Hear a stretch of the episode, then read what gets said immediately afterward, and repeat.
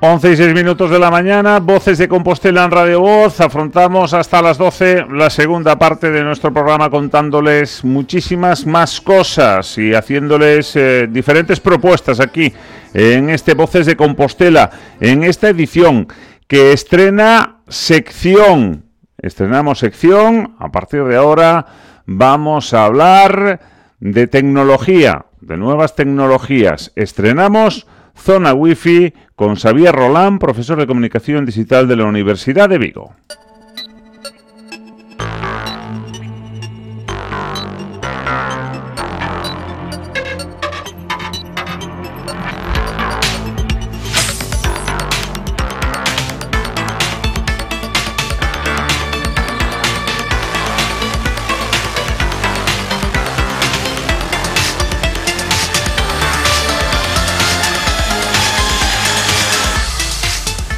Nueva sección en el Voces de Compostela con el profesor Xavier Rolán. Hola Xavi, muy buenos días. Hola, muy buenos días. Bueno, contanos un pouco, profesor de Comunicación Digital da Universidade de Vigo, vai a estar con nosco pois, uh, prácticamente todos os mércores, se é posible, falando un pouco nesta zona wifi, que se chama así a sección, bueno, de un montón de cousas.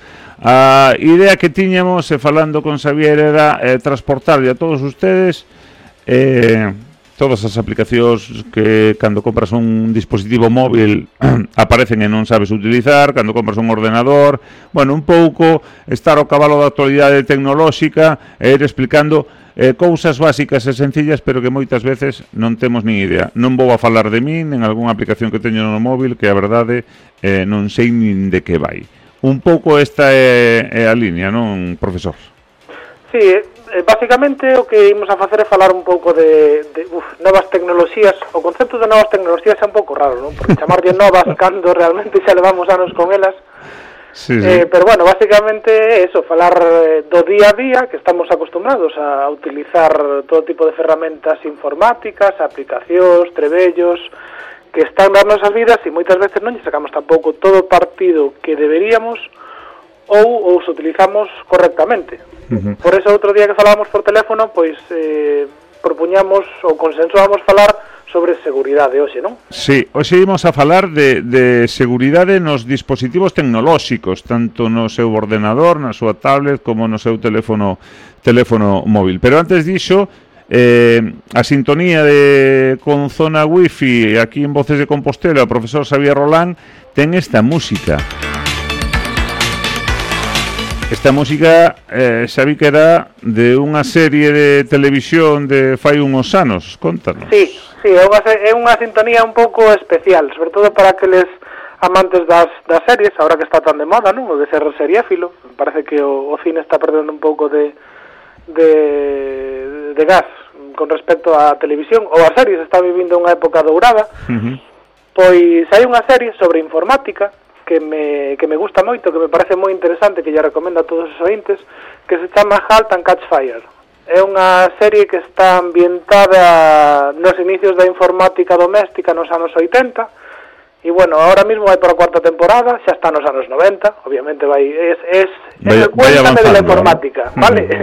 para facernos unha idea, é o cuéntame da informática. Vai avanzando, e bueno, pues esta sintonía me parecía moi, que caía moi ben, para a sección e para o que imos a, a falar. De feito, falando de seguridade, hai unha das temporadas, van por a cuarta, e unha das temporadas desta serie, pois ten referencias moi moi claras a algo que seguro que todos os ointes conocen, que son os antivirus, non? Oh, empezaban os antivirus por aquela, non? Ahora que é algo xa habitual, non? Agora? Ahora é algo habitual que xa temos, xa casi casi nós eh, cando imos ao médico salimos con un antivirus instalado.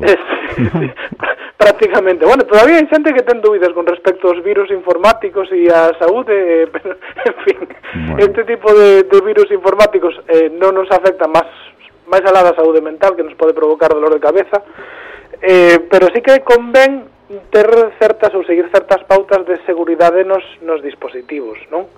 Eh, a primeira é básica, que sería instalar un antivirus, non? Algo que parece de caixón, hai moitos ordenadores que, que o tran de series, e que é certo, moitos dispositivos móviles tamén traen o antivirus de serie e se non o traen, por favor, esta é unha recomendación que lle fago a todos os ointes, que instalen un antivirus, vale? É básico.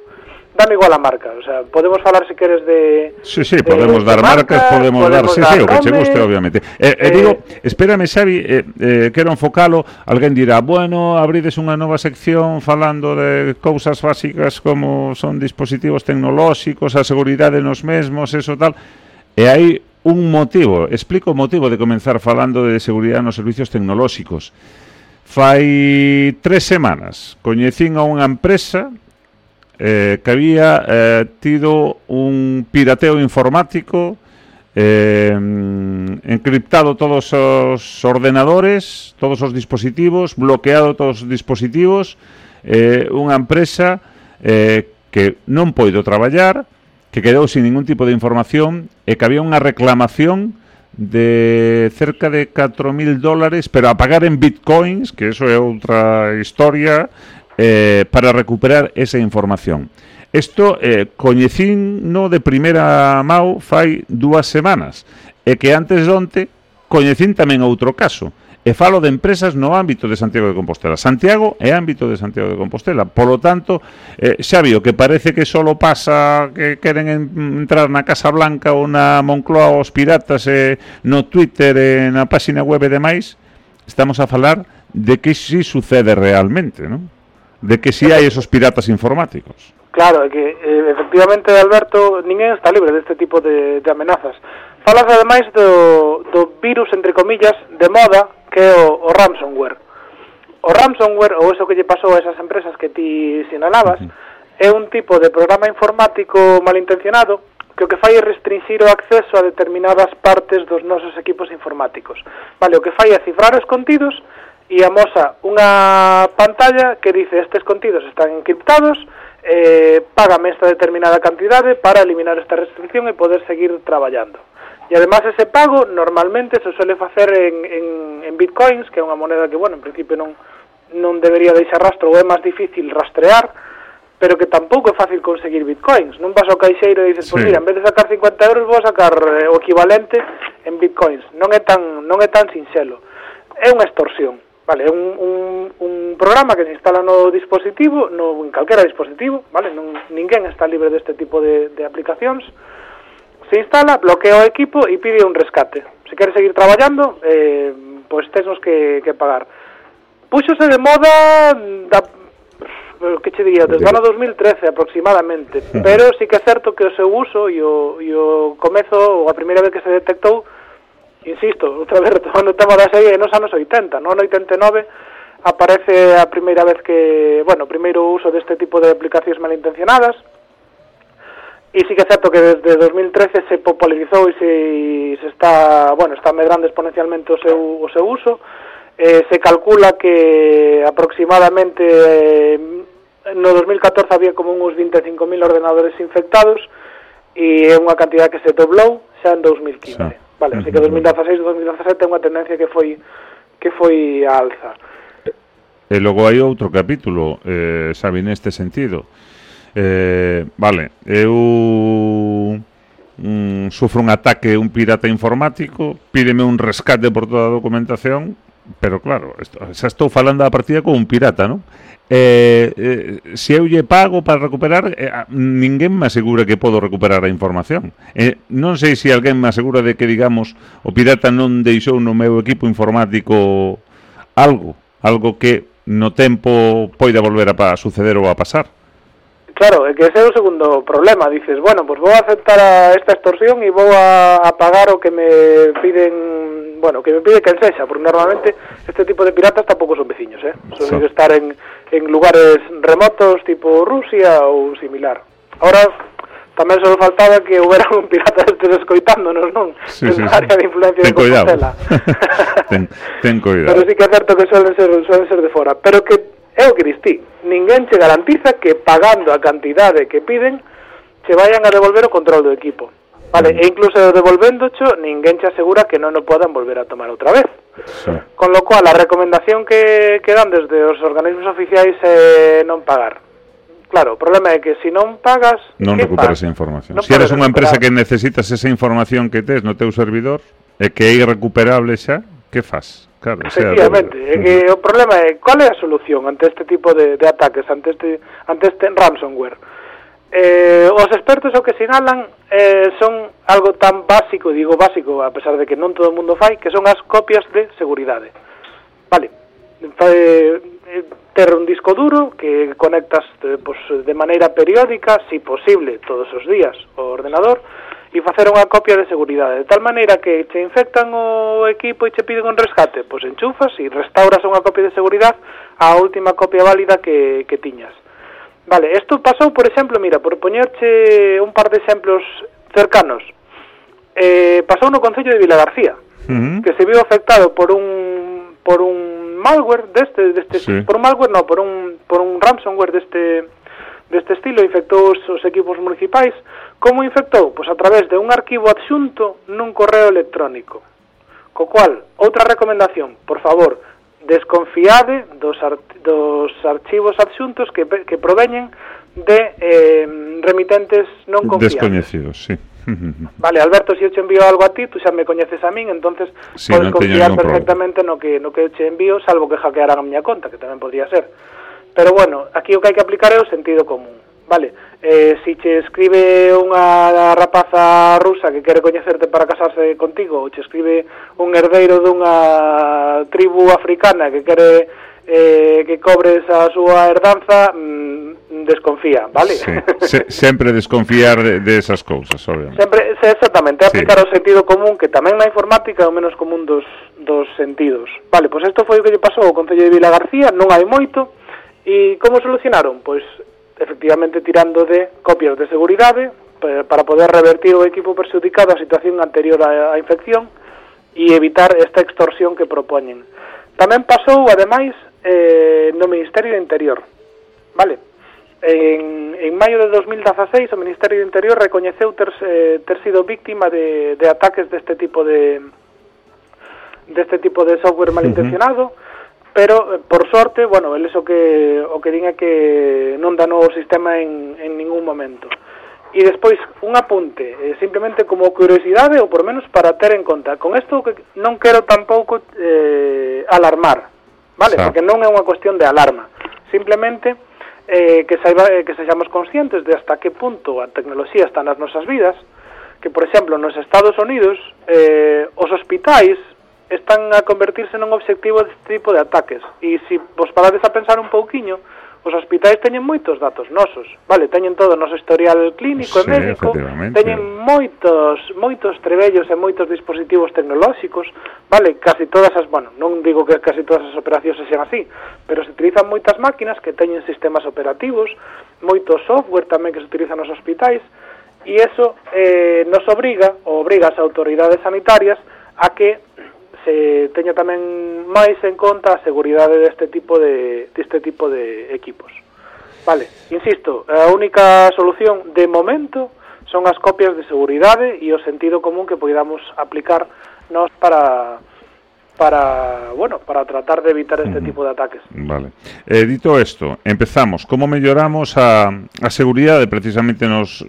Va, vamos a ir nos móviles, eh, nos portátiles. Antes eh, decías, instalar un antivirus, non?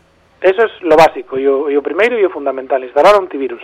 Como casi todo o mundo que nos está escoitando utilizará Windows, eu recomendo un que, que vende serie, que é Windows Defender.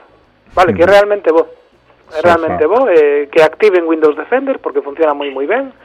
Se si queren outro tipo de antivirus, pois pues están AVG, como sona, ou Avast, A-V-A-S-T, Eh, non sei se si, si queres algún nome máis ou... Non, esos están ben, ademais son gratuitos, non? Sí, sí, todos estes todos estes software que estou recomendando son gratuitos. Hai versións de pago, hmm. vale, pero a versión gratuita funciona perfectamente e para uso que damos doméstico eh, nos, nos vai, bueno, perfectamente ben. Para empresas e demais, bueno, o que antes decías, non facer todos os días, se si é posible, copias de seguridade. Copias, copias de seguridade de seguridade. nun equipo que non que este conectado a nada, non, non sei se dicirlo así.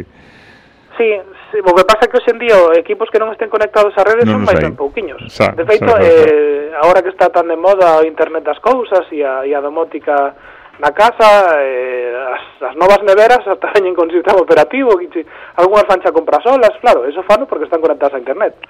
Co cual tamén poden ser susceptibles de ataques. E tamén hai antivirus para as neveras? Me imagino que sí, eh, alguna eh, forma habrá, non sei.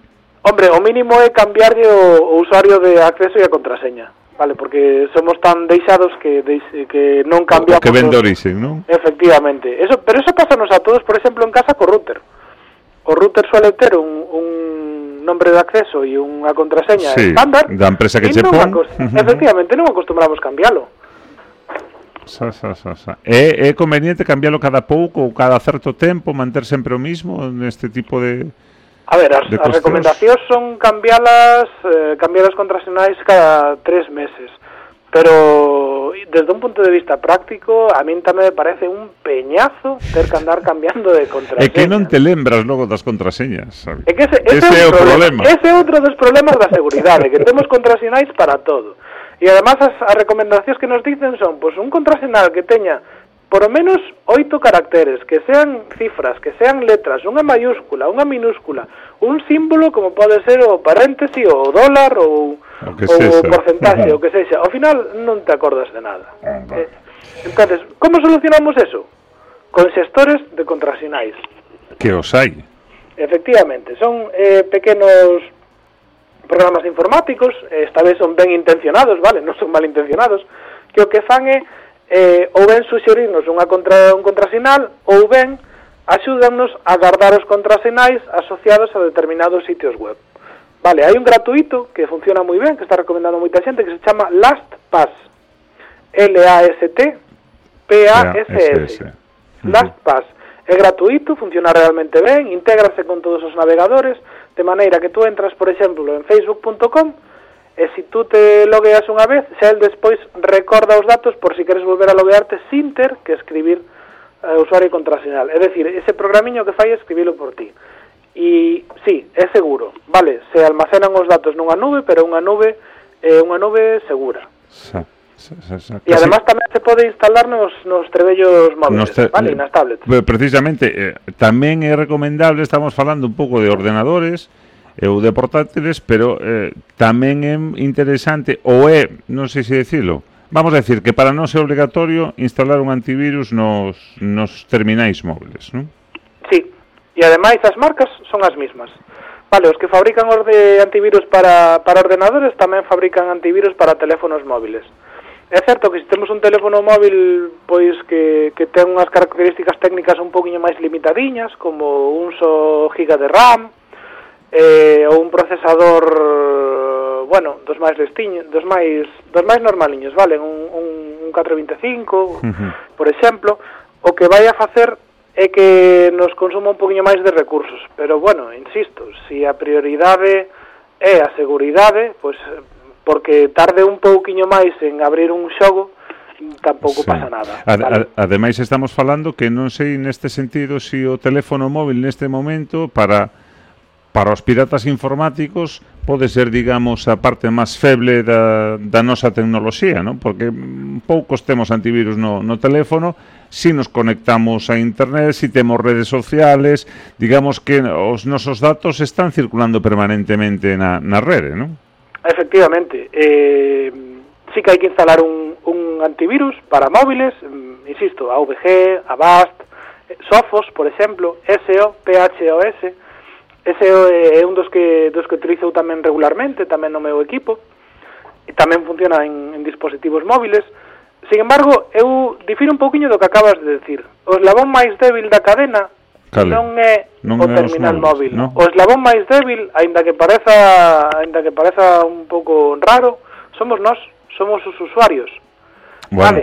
Aquí é onde entra en entra en xogo un concepto superinteresante, que é o concepto da enxeñería social que fai referencia precisamente ao usuario como eslabón máis débil da cadea de seguridade. E por que se chama enxeñería social? Porque eh, o que fan algúns hackers é intentar despistar o usuario para que lle dé os, os datos eh, de maneira gratuita, entonces despois dicen, no, eh, me han hackeado la cuenta. No, tío, non che hackearon a conta. O que pasa é que cando che enviaron un, cando che enviaron un correo que puña, soy Banco Santander e non tengo acceso a teus datos, por favor, identifíquese. Sí, dame los datos. E tú? Correcto, collen os teus datos. Sí, vale. Sí, sí. E o, o dos datos bancarios, bueno, xa sabedes que as a, ninguna, absolutamente ninguna entidade bancaria solicita por mail os datos de acceso, ninguna, vale? Isto hai que recordarlo tamén porque hai xente que que o mellor non é consciente deste tipo de, de estafas, de estafas, de phishing que se chama. Uh -huh. Pero este tipo de, de enxeñería social é o que está detrás de algunhas cousas que seguro que no mundo do corazón algúns dos nosos ointes escoitaron, que ese tipo de filtracións de fotografías semidesnudas de algunhas actrices ou actores do mundo do cine, por exemplo. Non, non é que lle hackearan o ordenador ou o teléfono móvil, é que en algún momento entregaron ese tipo de, de datos de acceso da súa conta de Instagram ou da súa conta de iCloud onde gardan o carrete de fotos de Apple e despois obviamente claro que se filtran. Claro que se filtran porque eso é carnaza para, bueno, para algúns medios de comunicación e para e para o mundo de internet tamén. Eh, máis cuestións neste primeiro programa de eh, Zona Wifi con eh, profesor Xavier Rolán eh, falamos de outras medidas de, de seguridade non a parte das que estamos comentando si hai digamos eh, outras parcelas eh, como pode ser eh, as autent rectificacións, non? En dous pasos, creo que se chama así, se denomina así.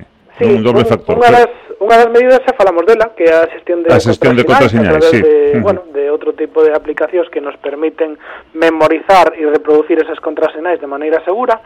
E outra é moi interesante que é a autenticación de doble factor. Vale. Por que a autenticación de doble factor ou tamén coñecida como autenticación en dous pasos? porque, aínda que acabamos de falar ahora mismo de que dentro do mundo da seguridade os contrasinais non nos, eh, que os esquecemos con moita facilidade, realmente, sí, é certo que os esquecemos, pero se si alguén nos colle o noso contrasinal, podría entrar perfectamente nesa conta nosa, da igual que sea de correo, da igual que sea dun, dun dispositivo móvil, do que sea, en calquer parte do mundo. Entonces, dentro do mundo da seguridade, propónse eh, como medida de seguridade esta autenticación de dous factores, que consiste nun principio moi simple, que é combinar algo que só ti sabes, é decir, ese contrasinal, por exemplo, é algo que só ti tes, é decir, eh, o teu teléfono, por exemplo, ou un registro biométrico, como podría ser unha, unha pegada dactilar ou o iris do teu, do teu ollo, Ou, por exemplo, unha aplicación que podas ter no teu teléfono que che envíe códigos, vale? Isto, por exemplo, é o que se utiliza cando mm, queremos pagar algo coa tarxeta de crédito e supera unha determinada cantidade, por exemplo, quero comprar un trebello, un, un dispositivo móvil que me costa 500 euros, vale, pois eu meto os, os datos da, da tarxeta de crédito nesa página web e antes de finalizar a operación, incluso poñendo o código de seguridade, me mandan un mensaxe de texto ao meu, ao meu dispositivo con unha clave que eu teño que introducir. Vale, ese segundo factor ou ese segundo ese segundo paso é parte precisamente deste tipo de autenticación en dous, uh -huh. en dous pasos. Uh -huh. Vale, o que quere facer este tipo de autenticación é eh, convertir a rede obviamente nun lugar máis máis, máis seguro, seguro e simplemente a modo non tanto anecdótico, sino que se pode utilizar, que os usuarios e os, bueno, e os, os veciños composteláns saiban que a Xunta tamén emprega a autenticación dous pasos, que ten un servicio que se chama Chave 365, que permite evitar, por exemplo, o uso do DNI electrónico, que non todo o mundo ten. Vale, pois tamén é un sistema de autenticación dos pasos que ten actualmente a Xunta en uso. Ben, é onde o podemos eh, consultar, ver, descargar, Pois, se non me equivoco, en chave 365. Vale, vale ese, dentro da sede electrónica da Xunta, que é sede.xunta.gal, está toda a información para poder eh, acceder á chave 365, que, bueno, a través dese sistema de, de autenticación de dos factores se pode acceder a moitos servicios que teñen que ver coa administración digital. E xa por último, Xavi, eh, como sei eu que igual os meus dispositivos, os meus datos foron recollidos por algún hacker, algún pirata?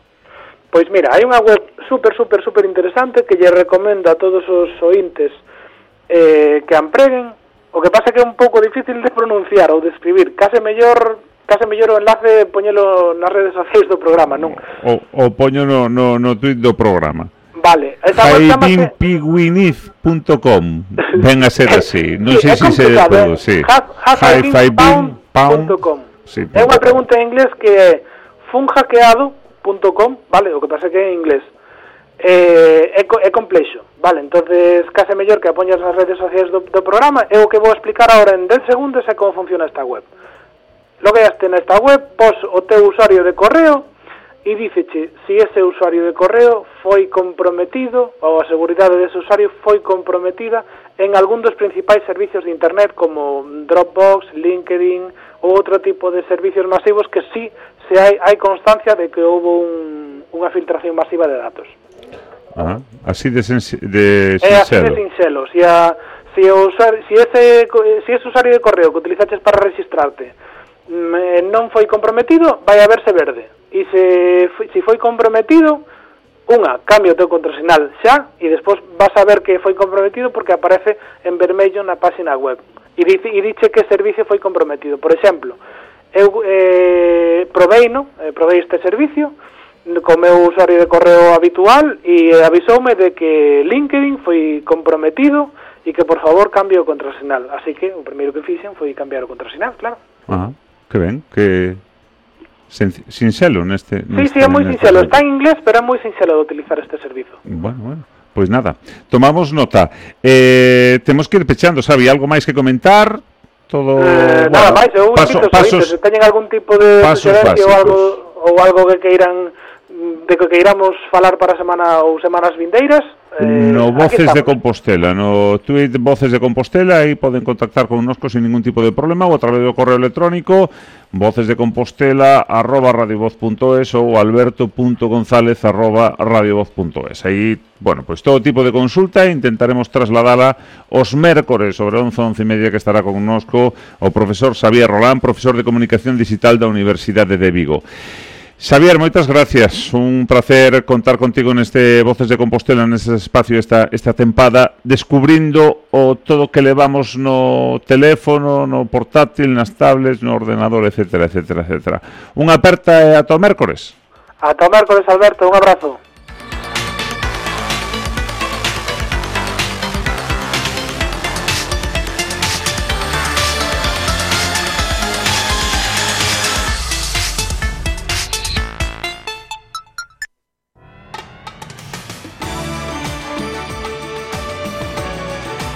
Voces de Compostela con Alberto González.